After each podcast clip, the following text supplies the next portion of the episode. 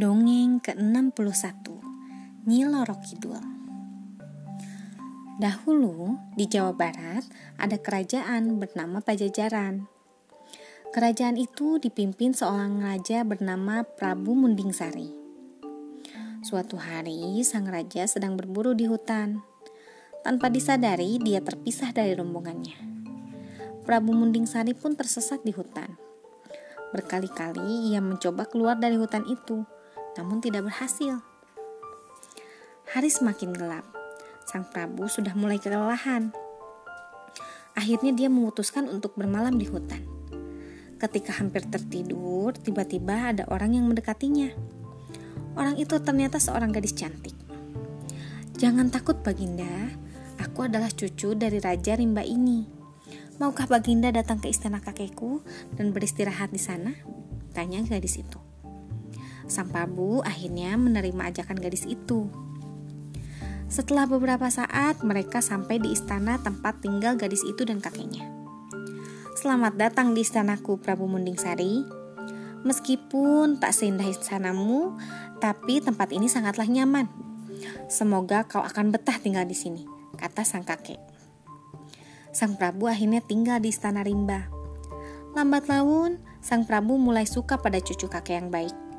Dia pun memutuskan untuk meminang gadis itu. Setelah semua setuju, acara pernikahan dilaksanakan.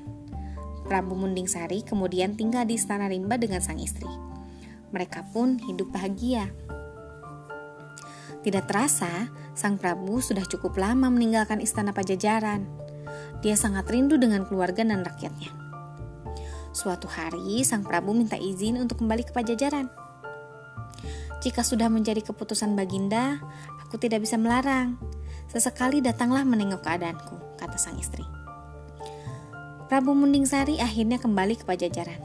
Semua rakyat pun menyambut kedatangan sang Prabu. Kini Prabu Munding Sari pun kembali memimpin kerajaan. Sudah beberapa bulan, Prabu Munding Sari meninggalkan istrinya di istana Rimba.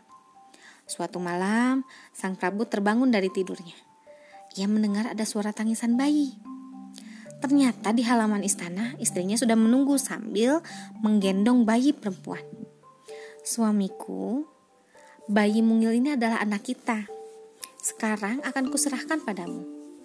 Aku ingin anak kita diasuh oleh manusia, kata sang istri. Apa maksud itu dengan manusia? Tanya Prabu Sari keheranan. Sebenarnya aku berasal dari kalangan siluman Maafkan aku karena tidak mengatakan sebelumnya, kata sang istri. Akhirnya, bayi itu diasuh Prabu Munding Sari. Bayi perempuan itu diberi nama Ratna Dewi Suwido. Sayangnya, permaisuri Prabu tidak menyukai Dewi Suwindo. Ia memperlakukan Dewi Suwido dengan kasar. Tanpa terasa, Dewi Suwido sudah berusia 18 tahun. Ia tumbuh menjadi gadis yang sangat cantik. Tidak ada gadis lain yang dapat menandingi kecantikannya. Hal ini semakin membuat permaisuri membenci Dewi Suwido. Akhirnya permaisuri pun berniat menyingkirkan Dewi Suwido dari istana. Permaisuri pun pergi menemui penyihir. Dia meminta agar wajah Dewi Suwido menjadi rusak. Dengan begitu, tidak ada lagi orang yang mau mendekatinya.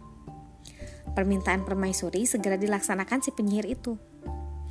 Esok harinya, ketika Dewi Suwido bangun dari tidur, seluruh tubuhnya terasa sakit. Ternyata wajahnya sudah berubah menjadi sangat jelek. Sang putri juga malu untuk bertemu dengan orang lain. Sudah berhari-hari, Dewi Suwido hanya mengurung diri saja di kamar. Permaisuri memberitahu sang Prabu kalau sang putri menderita sakit lepra. Penyakit itu sangat menular, Permaisuri minta agar sang putri diasingkan dari istana. Dengan berat hati, sang putri pergi meninggalkan istana.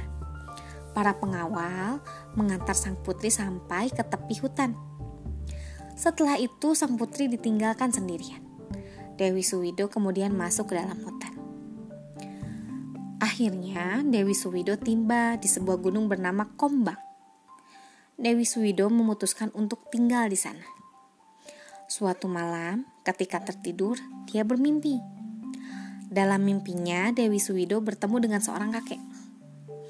Cucuku Dewi Suwido, pergilah ke laut selatan. Jangan pernah kembali kepada kalangan manusia, kata kakek itu. Dewi Suwido kemudian melakukan apa yang disuruh kakek dalam mimpinya. Untuk sampai ke laut selatan, dia harus berjalan berhari-hari. Setibanya di sana, dia menceburkan diri ke laut. Seketika itu juga penyakitnya hilang kecantikan pun kembali seperti semula. Menurut kepercayaan, Dewi Suwido masih hidup sampai sekarang. Dia menjadi penguasa Laut Selatan. Dewi Suwido dikenal dengan nama Nyil Norokidul. Sekian, terima kasih telah mendengarkan. Selamat malam.